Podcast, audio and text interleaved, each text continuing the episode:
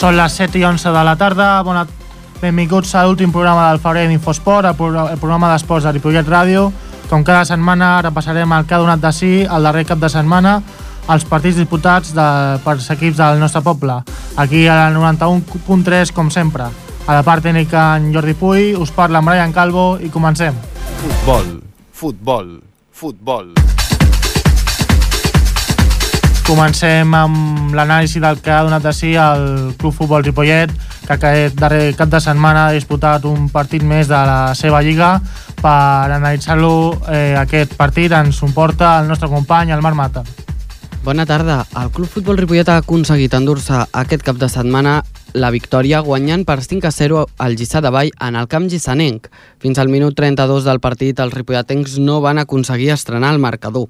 A partir d'aquell minut, el Carlos Osuna i el Carlos Alcáñiz van marcar dos gols, amb un minut de diferència cadascú. I van marxar al descans amb el marcador 2 a 0 a favor dels de Juan Carlos Torres. A la segona part, els vermells van marcar els, els altres tres gols.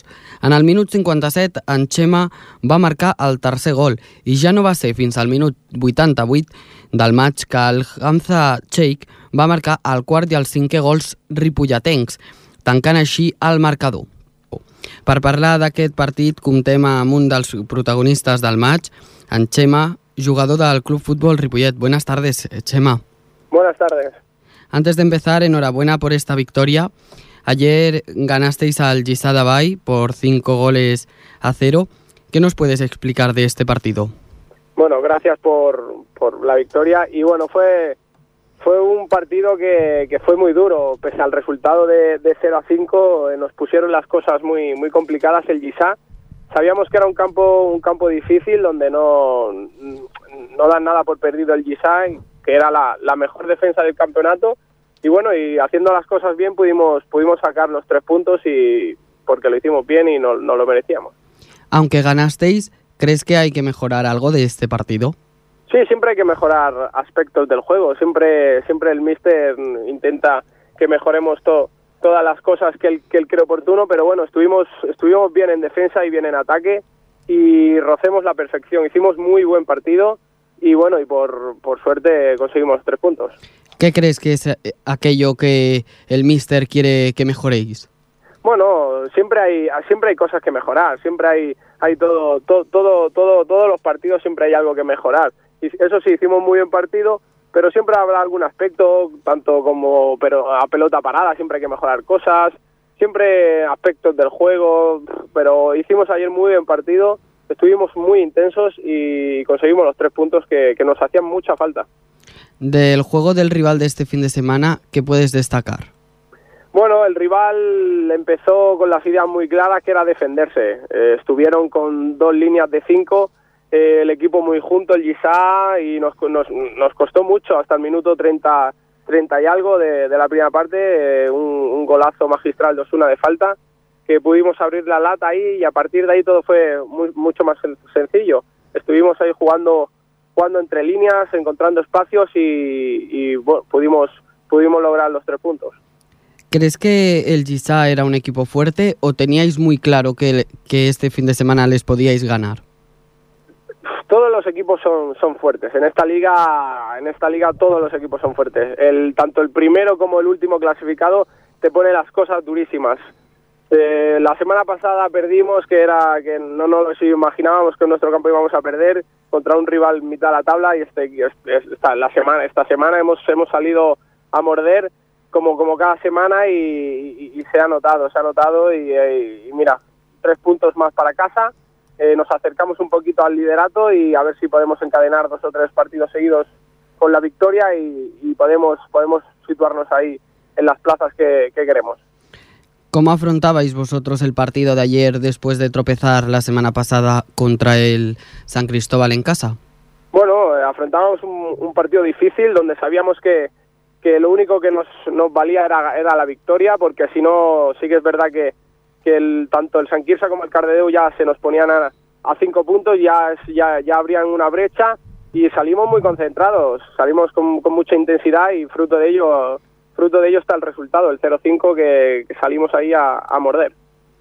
Vosotros siempre sois optimistas porque hablemos con quien hablemos, ya sea contigo o con cualquier otro compañero tuyo, siempre pensáis en, aunque ganéis o como perdáis, siempre acabáis el partido pensando en el siguiente, en el siguiente y esperando que lo podáis ganar.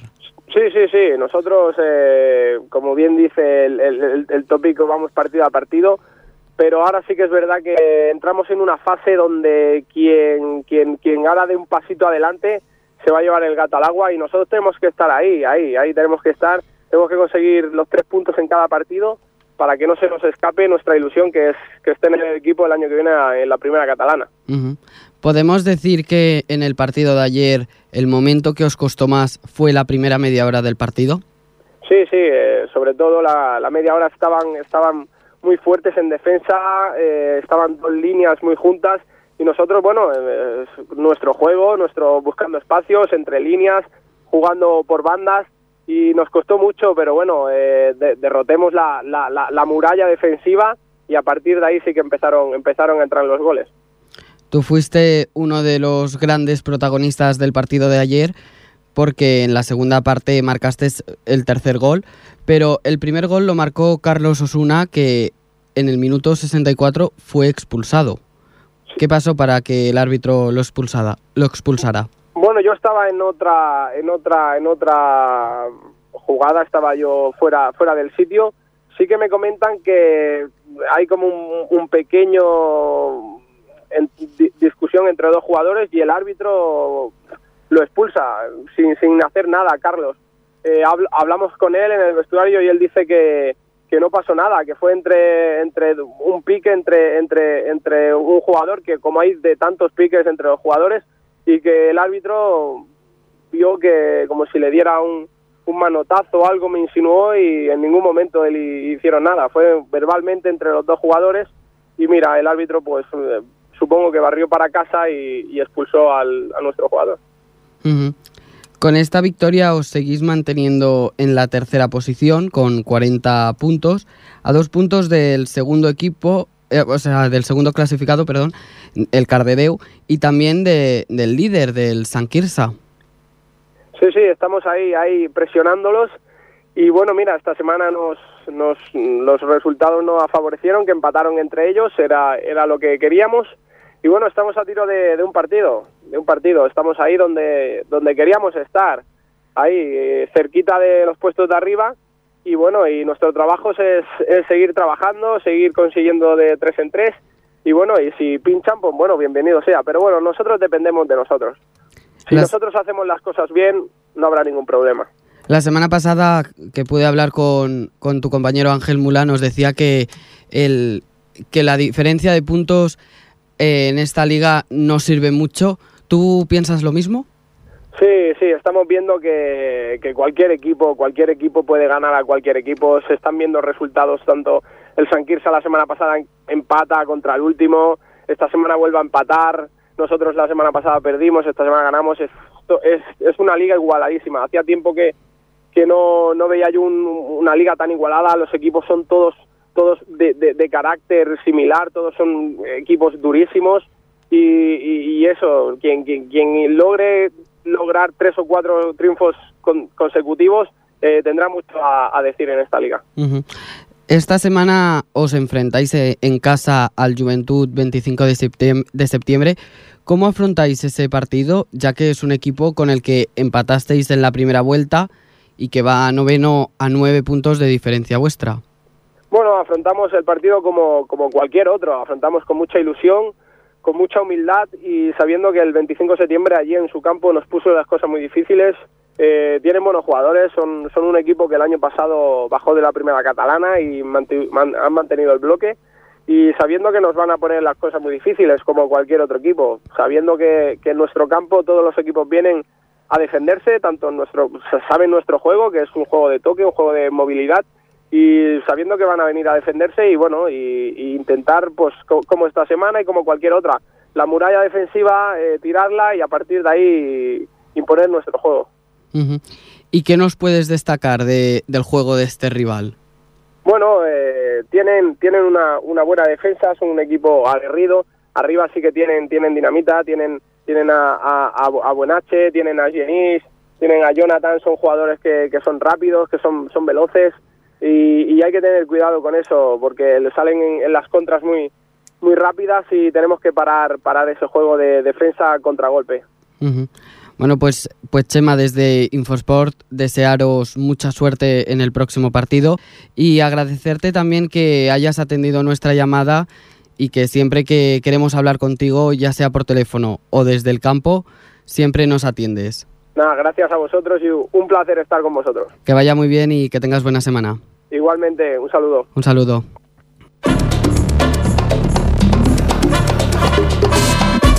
Moltes gràcies, Marc, per aportar-nos aquesta actualitat esportiva del Ripollet. Canviem d'esport, passarem a l'handbol, que aquest cap de setmana també ha disputat partit de la seva corresponent lliga.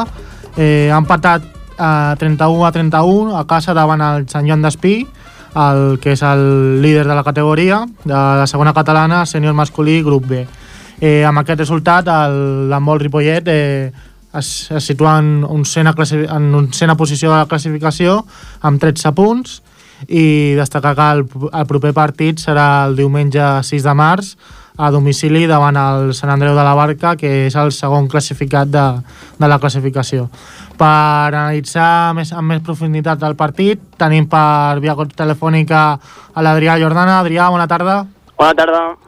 Eh, empat 31 a 31, com es va desenvolupar el partit? Quin resum faries? Bueno, un un resultat molt positiu per nosaltres. Va començar el partit, ells van començar molt fort, demostrant que eren líders de la categoria, venien aquí a guanyar el partit a pels dos punts i van començar molt fort, van començar nosaltres per darrere del marcador, però a poc a poc ens vam anar ficant en el partit i tota la segona part va estar molt igualada. Un gol de l'Ells, un gol de nosaltres i al final, doncs, empat, que jo crec que va ser un resultat bastant just. L'equip es va mostrar molt competitiu davant, davant el que és el líder de la, de la classificació.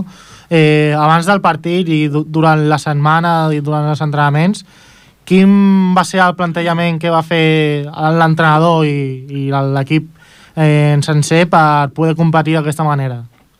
No, doncs sabíem que era un partit molt important, sabem que necessitem sumar punts per poder mantenir la categoria i fa un parell de setmanes que vaig parlar amb vosaltres, la, Mm. mm. la dinàmica era bastant negativa la que portàvem, vam anar la setmana passada a jugar a Girona, vam fer molt bé, vam perdre només de dos gols i vam jugar molt bé i la dinàmica, la, la tàctica era la mateixa, continuar amb, amb molta intensitat defensiva, continuar amb els atacs amb calma, ja sabem jugar la pilota com, com sabem jugar-la i era això, més que res mentalitat positiva.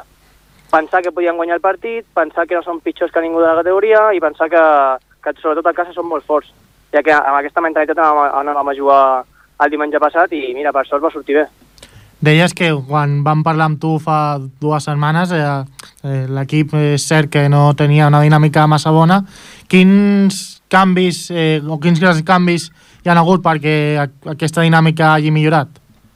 Canvis, canvis tàctics, diguem-ne, no hi ha hagut cap. La qüestió Més és que mental. hem recuperat, hem recuperat jugadors que teníem lesionats i parlant entre nosaltres ens han fet veure de que som capaços de guanyar a qualsevol equip de la categoria que no som pitjors que ningú, que hem d'anar amb mentalitat positiva, hem d'anar pensant que podem guanyar i, i veiem que ve el líder aquí a casa i li posem les coses molt difícils i, i empatem el partit.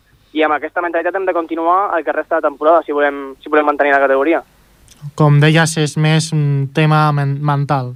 Sí, sí, sí, totalment, totalment, perquè tàcticament som un equip bastant, bastant bo en atac, marquem molts gols, som els que més gols, o un dels que més gols marquem a- de la nostra categoria, i en defensa això, en defensa anem millorant dia a dia i anem defendent més fort. O sigui que és un tema més, més que res mental, de motivació. Sí, sou un dels equips més golejadors. El, el que més era precisament el Sant Joan d'Espí amb Sí. 571 gols a favor. El seu atac era l'aspecte que més temíeu? La veritat és que sí. perquè mouen molt bé la pilota, tenen bons jugadors en gairebé totes les posicions, eh, en atac mouen molt bé la pilota, entren molt bé l'espai, tenen molt bons llançadors tant de fora com de 6 metres, i érem, érem conscients de que havíem de defensar molt fort si volíem que no ens guanyessin el partit, i vam estar molt bé en defensa, la veritat. I a part del seu atac, eh, quins aspectes destacaries del Sant Joan? Ara tenen una defensa molt, molt agressiva, defenen molt, molt a dalt, defenen, no, no, no mantenen la línia defensiva a 6 metres, defenen molt a dalt, molt intensos, van molt a tallar les pilotes, són, són molt constants durant tot el partit, no baixen el ritme en cap moment, i això, això doncs, es, ho demostren setmana darrere setmana perquè per això són els líders. I nosaltres sabíem que havíem de fer el nostre lloc, que havíem d'anar amb calma, que havíem de tenir paciència en atac sobretot, no jugar unes pilotes i no, no perdre pilotes tontes i ho vam fer molt bé. Sens dubte és un molt bon resultat, empat davant, davant el líder, però quin creus que va ser aquell petit detall que us va faltar per aconseguir la victòria? Potser, potser acabar de defendre millor els últims dos o tres atacs per la seva part. Van, van trobar llançaments des de l'extrem quan, quan ja estaven gairebé en passiu i ens van marcar, jo crec que els últims tres o quatre atacs seus van ser gols tots i això ens, no ens va permetre aconseguir la victòria perquè havíem arribat als últims minuts em sembla que ha un gol per sobre nosaltres. Jo crec que això va ser intentar defensar una mica més fort els últims atacs seus. Però bé, també arribàvem bastant justos, justos de força i es, es va notar, es va notar, la veritat. Però bueno, jo crec que va, va ser un partit molt bo heu demostrat que, bueno, encara que esteu a la part baixa, sou un equip molt, molt competitiu en aquest grup. Eh, creus que aquest partit eh, demostra que el, el grup B del, de, la segona, de la segona catalana és un grup molt igualat o, o noteu grans diferències entre els equips de la part alta i de la part baixa? No, no hi ha gaire diferències, la veritat, és un, és un grup molt igualat, es pot veure per la diferència de punts, que no, la, la, la zona mitja de taula estan els, els equips molt comprimits, amb molt poca diferència de punts, i mm. ve l'últim a jugar-te aquí a casa, et pot guanyar, o pots jugar l'últim contra el líder i guanyar-li, la, la categoria està molt igualada, molt igualada. I si no estàs molt atent als partits, eh, pots perdre una diferència molt gran, perquè tots els equips són bons. No et pots confiar encara que juguis contra l'últim, ni pots deixar-te anar perquè juguis contra el primer. S'ha d'anar tots els partits per cent i, i es pot aconseguir la victòria contra qualsevol equip. Queden set jornades per disputar-se. Eh, quins són els comptes que fa el club per poder aconseguir la permanència? Sobretot és important guanyar els partits que tenim a casa.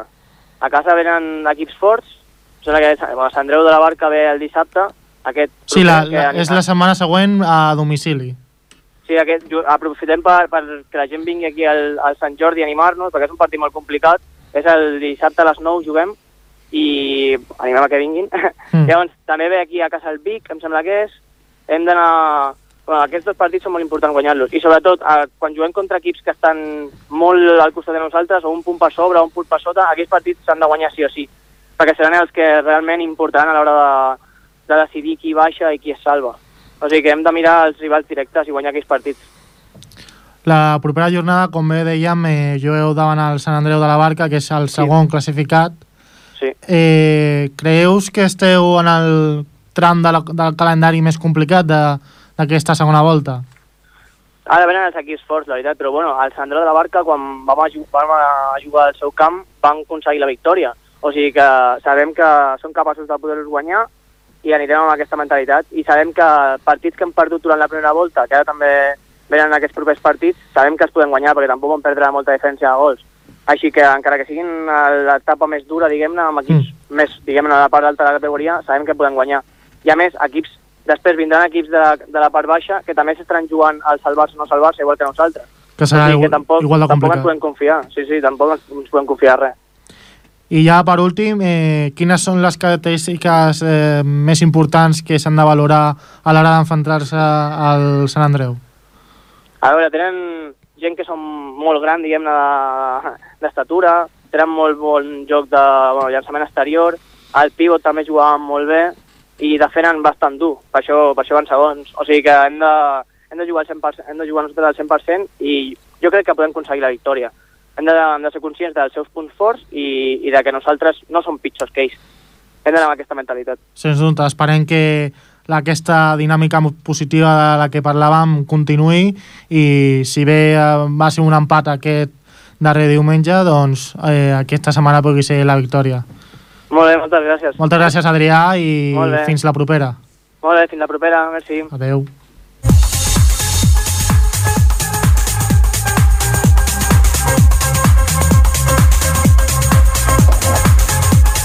Seguim, canviem d'esport i passem al futbol sala, que amb el meu company, Eli Arteaga, que ens porta l'actualitat esportiva del futbol sala Ripollet.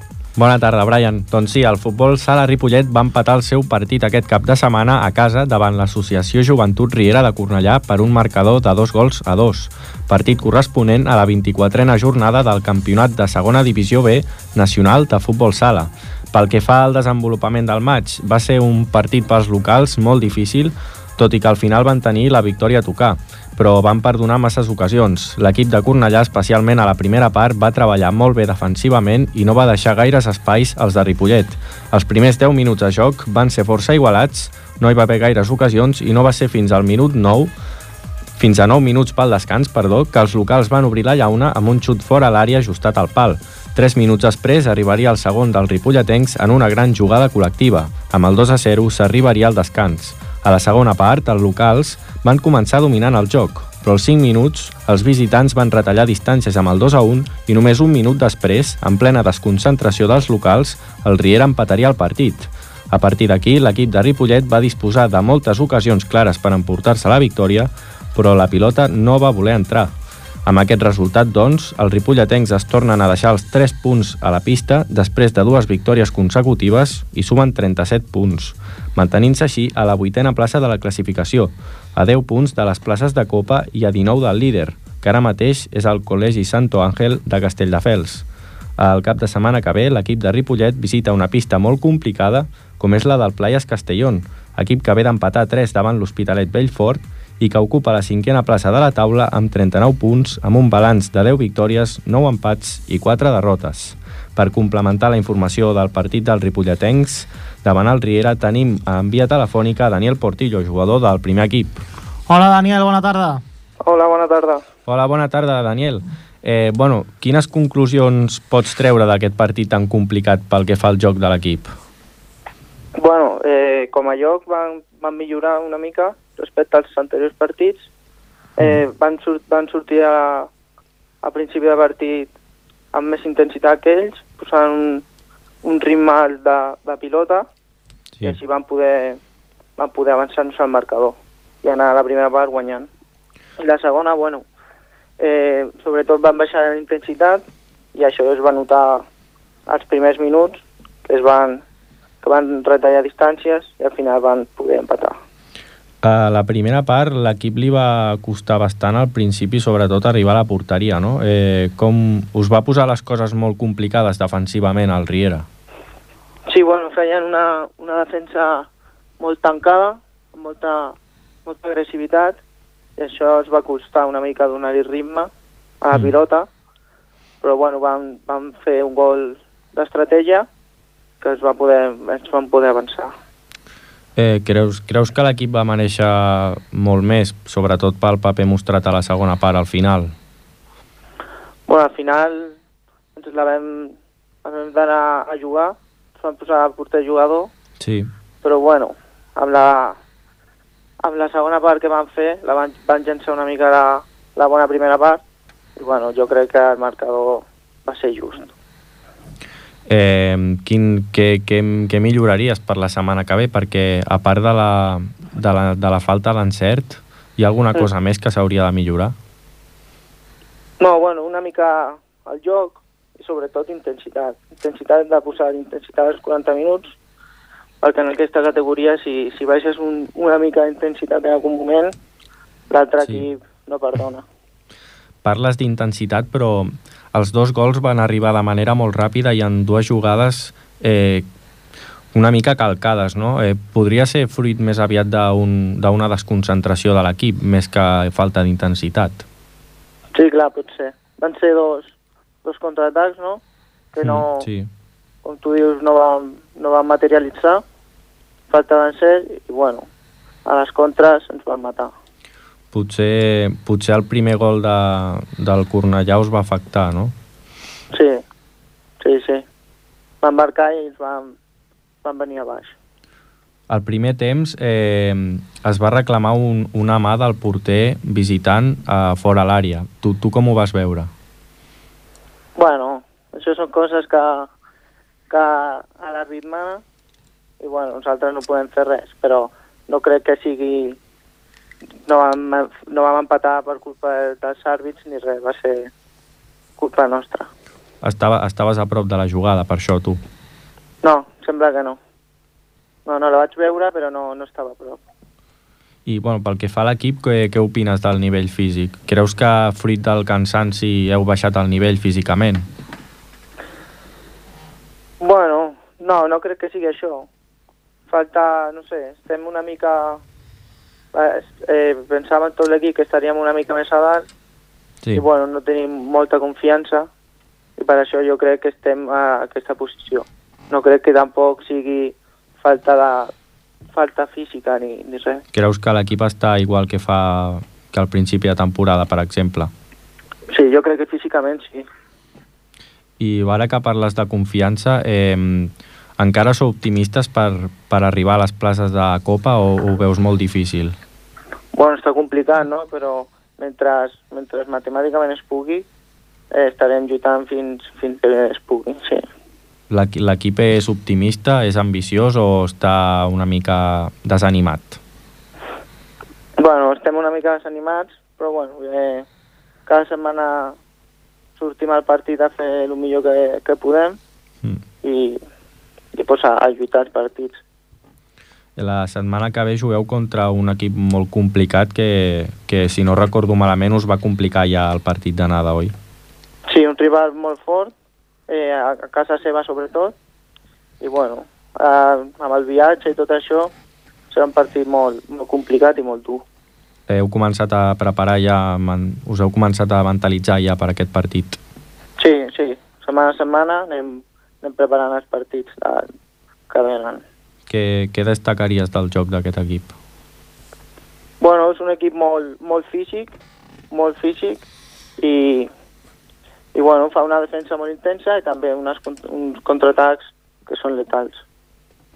Creus que serà un partit com, com el d'aquest cap de setmana, molt trebat, no? Sí, possiblement sí. Sí, sí. Parlem d'ara de la teva trajectòria personal, que si no m'equivoco, tu, tu has estat uns anys al, Bar al Barcelona, al Barça, Sí. oi? I arriba, Sí, sí. has arribat aquest any un altre cop. Ens, Mm. ens pots parlar una mica del, de la teva experiència al Futbol Club Barcelona? Sí, bueno, vaig, vaig estar dos anys de juvenil i un any de sènior i bueno, molt, molt content i, i res més que, que vols. Què, què va fer que tornessis a, al, al club de Ripollet? Eh, no, bueno, era, era un equip que, que coneixia, vaig estar aquí, Mm. eh, no he perdut contacte, estava entrenant amb els nens i tinc, tinc confiança amb els coordinadors, amb el president, i bueno, un cop eh, vaig, vaig saber que ja no continuava, eh, em van, van oferir si, si volia vindre aquí, i, i és clar, jo encantat. Com, com, com valores el teu nivell, o sigui, el, la teva adaptar, el teu procés d'adaptació aquesta temporada, ja que ets nou? Bueno, és complicat la- l'adaptació, sobretot perquè allà a l'altre equip, el Barça, era, era més, més continu, entrenava molts dies, Sí. i ara aquí entrenem, hem baixat els, els dies de nivell, ai, els dies d'entrenament, bueno, un nivell físic eh, es nota bastant, sí. Creus que hi ha diferència entre els dos equips físicament? Sí, molta, El molta, això, sí. Sí, sí. Doncs, Sobretot físicament, perquè després a l'hora de, a l'hora de jugar, que a Ripollet tenim bon equip, bons jugadors, i bueno, però a nivell físic es nota molt. Daniel, per la meva part, només una pregunta. Eh, fa dos anys eh, vam poder entrevistar-te que just eh, eh, marxaves al Ripollet al, al Barça i, Sí. bueno, i aquest any has tornat. Eh, de, personalment, què, què ha canviat eh, ja més que a la teva vida, eh, més eh, professionalment al, en el teu lloc? Què, què ha canviat? Què has millorat? Bueno, no, jo segueix, jo segueixo sent el mateix jugador, millorant això cada dia més, però bueno, d'estil de joc jo no crec que hagi canviat gaire, jugador que no... jugador d'equip, que no desequilibra, no té molt gol, bueno, un jugador que treballador i d'aquí. Sobretot molta més experiència, almenys. Sí, això sí, també. Sí, sí, de jugar a una categoria més, més alta i sí. Doncs per la meva mà- part res més. Mm, Moltes gràcies, Daniel, per atendre'ns als micròfons de- d'Infosport i esperem, us, us desitgem molta sort pel que resta de temporada. Gràcies a vosaltres. Que vagi bé. Molta sort. Adéu. Passem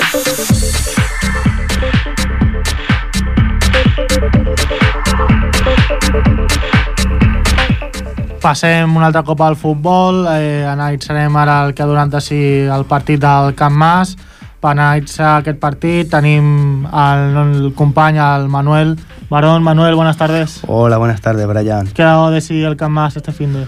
Pues bueno, hoy toca hablar del conjunto del Camp Mas, eh, que juega en la cuarta división catalana y que lleva un camino ascendente en busca de ese ascenso de categoría a la tercera división. Un Camp Mas que jugó este fin de semana ante el Canovellas, equipo que va doceavo en la tabla, al que derrotó 2-5, después de llevar el conjunto ripotellense eh, tres jornadas sin recibir ni un solo gol en su propia portería. El Camp Mas, que viene siendo más eficiente en sus desplazamientos, donde suele vencer por goleada, que en casa, donde eh, suele vencer más ajustado. Pues en Canovella fue un partido para el equipo ripotellense bastante cómodo, donde antes de llegar al descanso ya sentenciaba el encuentro. En el minuto 12, Mar Palau ponía el 0-1 en el marcador para el Camp Mas. Dos minutos más tarde sería Ali Rafael quien pondría el segundo y a seis minutos para llegar al descanso, Alexis Daniel haría el tercero para los ripotellenses. A los siete minutos del segundo tiempo, el Canovellas acortaría distancia, pero la alegría para los del Canovellas eh, duraría bien poco, pues en cinco minutos el Camp Mas haría el quinto por medio de Ángel Vera. En el minuto 71 el Canovellas ponía el 2-4. Cuando todo parecía acabar así, se acercaba cuando todo parecía acabar así y se acercaba al final del encuentro, Javier Moussa ponía el 2-5 en el último suspiro. Con este resultado, los del Camp Mas se colocan terceros, empatados con el Llano a 41 puntos y a 9 de distancia del Lourdes, que es líder y próximo rival de los ripotellenses aquí en casa.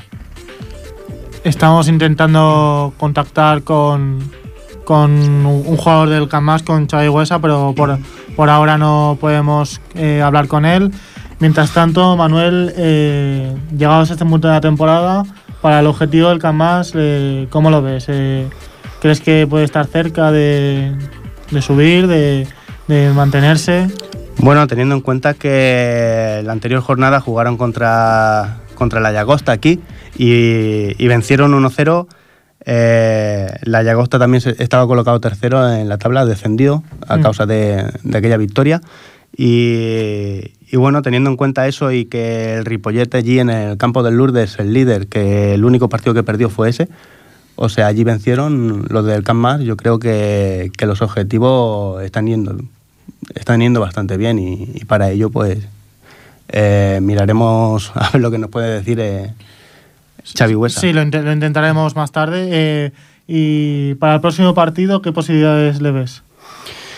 Bueno, para el próximo partido, eh, ya te digo, los dos últimos partidos que lleva el Ripollet jugando en casa, eh, la jornada 17 jugaba contra el Montorney y ganó aquí 1-0, y en la jornada 19 recibía la Llagosta y venció 1-0 y, el- y el gol fue en propia puerta. O sea, está ganando muy ajustado eh, los partidos aquí, sin embargo fuera está ganando por goleadas y, se ve que juegan más cómodos fuera que- que en propia casa.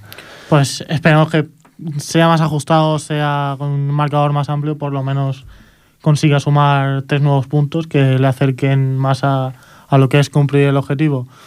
Mm, Mientras tanto, aún no podemos hablar con Xavi Huesa, eh, seguiremos con los contenidos del programa y pasaremos al, al básquet.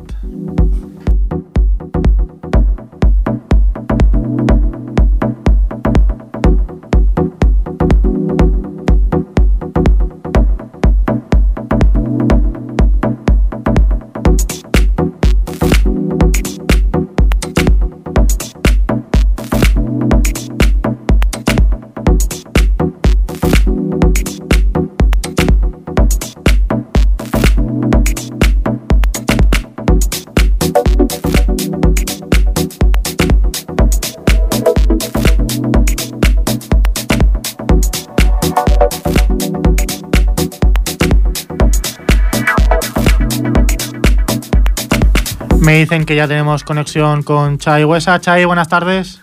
Buenas tardes. Todo tuyo, Manuel. Hola Xavi, buenas tardes. Eh, cuéntanos un poquito cómo ha vivido, eh, cómo habéis vivido vosotros el partido de este pasado fin de semana en Canovellas, con esa victoria de 2-5. Bueno, el equipo como últimamente está muy...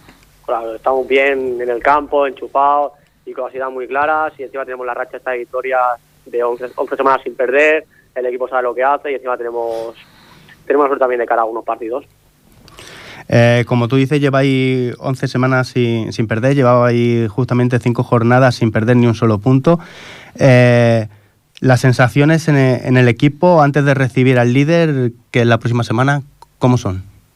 Bueno, el equipo tiene la mentalidad puesta en el partido contra el Lourdes y con las ideas muy claras y haciendo el mismo partido que hicimos allí que nos dio la victoria en la primera vuelta. Eh, ¿Cómo enfrentáis este partido teniendo en cuenta eh, que, soy, que sois un equipo que, o sea, jugando fuera de casa, conseguir eh, resultados con, mayor tranquilidad que aquí en casa, que parece que, os va costando, aunque acabáis mm, consiguiendo la victoria, pero siempre por la mínima? Eh, ¿Cambia algo en, en vuestro, en vuestra manera de jugar fuera? No, no, los partidos que hemos jugado en casa estos últimos han sido contra rivales de arriba, que nos cuestan más, y los partidos últimamente que hemos tenido fuera han con rivales de la parte baja de la clasificación.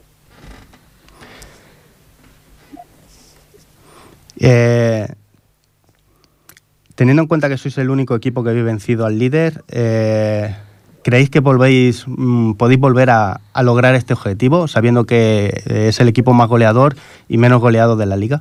Pero aún así vosotros le metisteis tres allí.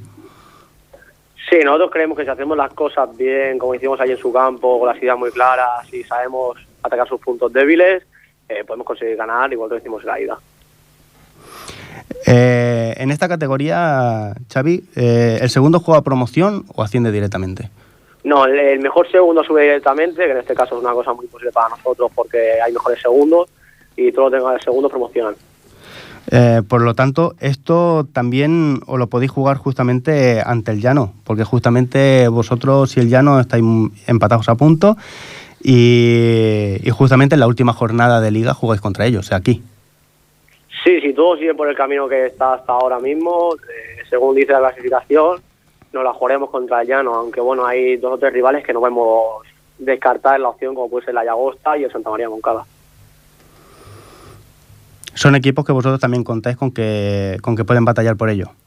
Sí, sí, en las próximas cuatro jornadas que ya empieza a haber enfrentamientos directos también con Lourdes, Llagosta, todos los equipos que estamos arriba, los cuatro primeros, sabremos dónde estaremos cada equipo más o menos.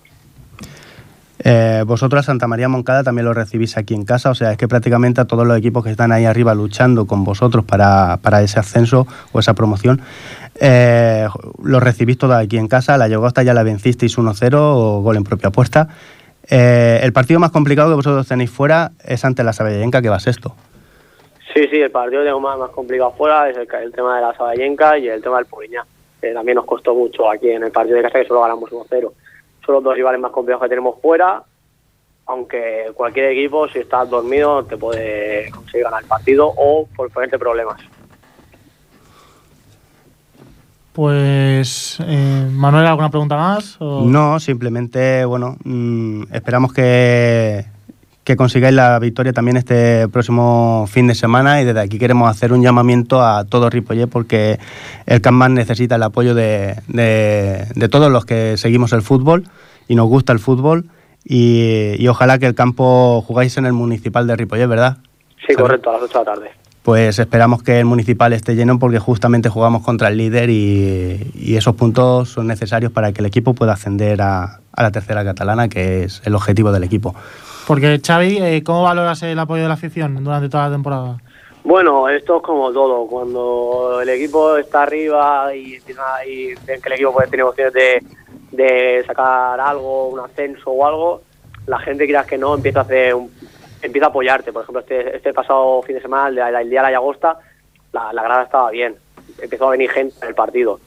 Entonces ahora esperamos que contra el Lourdes también pase lo mismo y la afición del Ripollet también esté aquí apoyando al filial. Pues dicho queda a toda la afición que acuda una vez más a, a ver a su equipo, al Camas, para, para ver si puede conseguir una nueva victoria. Chay, muchas gracias por atendernos y nos volvemos a escuchar la próxima vez. Vale, perfecto, muy bien. Hasta. Adéu. Canviem d'esport per última vegada, eh, passem al bàsquet, eh, un, un nou partit de la seva lliga que, i la seva actualitat esportiva ens la porta un altre cop el nostre company, el Marc Mata. El Club Bàsquet Ripollet aconsegueix la victòria en el Berneda amb una diferència de 23 punts. Bona tarda. El diumenge el sènior masculí del Club Bàsquet Ripollet va sumar una victòria més contra el Molstran Nou Badia. Els primers minuts del partit, els ripolletens van deixar passar oportunitats molt clares per posar-se per davant en el marcador, deixant que els visitants comencessin el partit per damunt d'ells, amb un resultat de 2 a 7. Tot ja aquest començament, els blaus no van baixar els braços i es van imposar a la pista amb el seu bon joc amb el que tenen acostumada a l'afició ripolletenca, deixant un resultat en el primer temps més favorable, amb una diferència de 4 punts. La diferència de punts creixia segons passaven els minuts, però seguien deixant passar algunes oportunitats clau per rematar el partit. A l'inici del segon quart, els del Badia van passar als locals imposant-se a dos punts per davant dels ripolletens.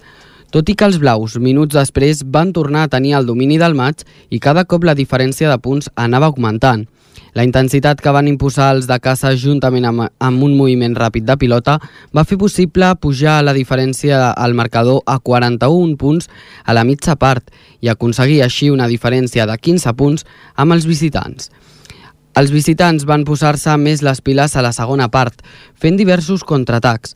Els ripolletens no van voler acabar amb la seva diferència al marcador i van tornar a ficar-se al partit, fent de cada atac una, una nova cistella. Les faltes van augmentar i l'agressivitat pujava a tots dos equips. Els del Badia volien endur-se'n la victòria, però els ripolletens no hi baixaven al nivell. I a 6 minuts al final del tercer temps, el marcador anava 49 a 30 a favor dels ripolletens. Els del Ripollet volien allunyar-se cada cop més i assegurar una victòria que fes tremolar els altres equips de la Lliga. L'últim quart va començar en contra dels locals que van començar a omplir-se de faltes, però els, els ràpids contraatacs van fer créixer el Ripollet que volia finalitzar el partit amb una àmplia diferència al marcador. Bones defenses i tirs en situacions extremes van fer que el marcador anés pels ripolletens. El partit va acabar amb el marcador a favor del Ripollet, que va sumar una victòria amb un resultat de final de 78 a 55 i guanyant a un equip amb qui va perdre a la primera volta al camp rival.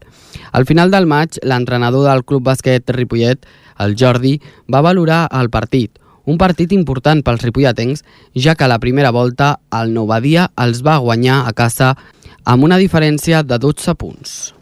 Sí, avui era un partit important perquè estem amb una victòria d'ells i era important guanyar diferenciant-nos de dues victòries i sobre el bàsquet de baraix que fa que ens tinguin que superar de tres i per la salvació i per evitar la promoció doncs avui era un partit important. Creus que el partit d'avui heu de millorar alguna cosa? Sí, sempre s'ha de millorar, és a dir, hem d'intentar conjuntar-nos molt millor, els percentatges de tirs, pèrdues tontes de pilota, però bueno, en mica en mica anem solucionant, hem anat recuperant la gent i bueno, eh, intentarem a veure si fins al final de la temporada podem eh, fer-ho molt millor. Del joc del rival d'avui, què és el que més destacaries? Bueno, és un, han jugat molt oberts ells, en un contra uns, amb molt tir exterior, que això ens ha dificultat quan teníem a dos, a dos, a dos jugadors grans, però bueno, hem sabut controlar-ho i ells tampoc han tingut un bon percentatge i això ens ha ajudat a, a guanyar d'aquesta diferència.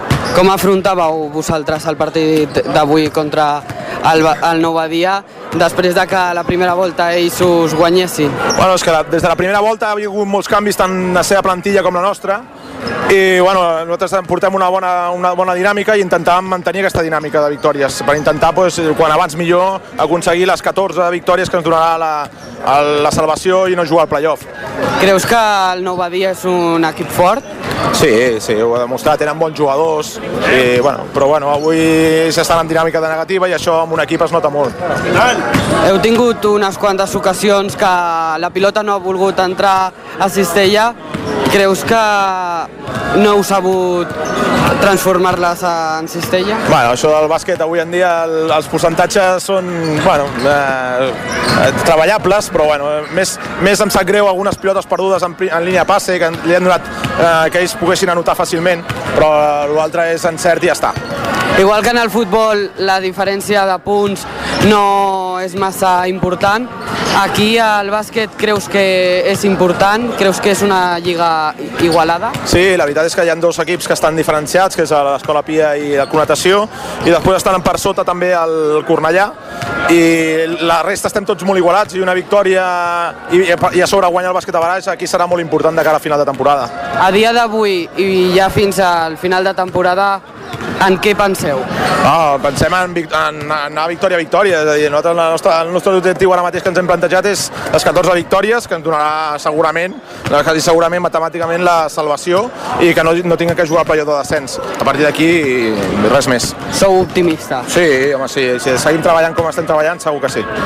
La setmana que ve us enfronteu al Cornellà, a casa seva, un, un equip que ja va perdre, com diem, la primera volta aquí a casa, com afronteu aquest partit i què podries destacar del, del Cornellà? Del Cornellà són un equip molt jove, és a dir, és a dir són molt, molt joves, juguen molt intensos i, la, hàndicap que tenen ells és la joventut, no? És a dir, si nosaltres sabem igualar intensitats, jo penso que ens, emport, ens emportem la victòria, però aquí si no treballes, no ets intens, perds contra l'últim, com es va demostrar aquí a casa contra el Navàs, i la intenció és anar allà a guanyar i intentar sumar una altra victòria que ens doni la, la tranquil·litat.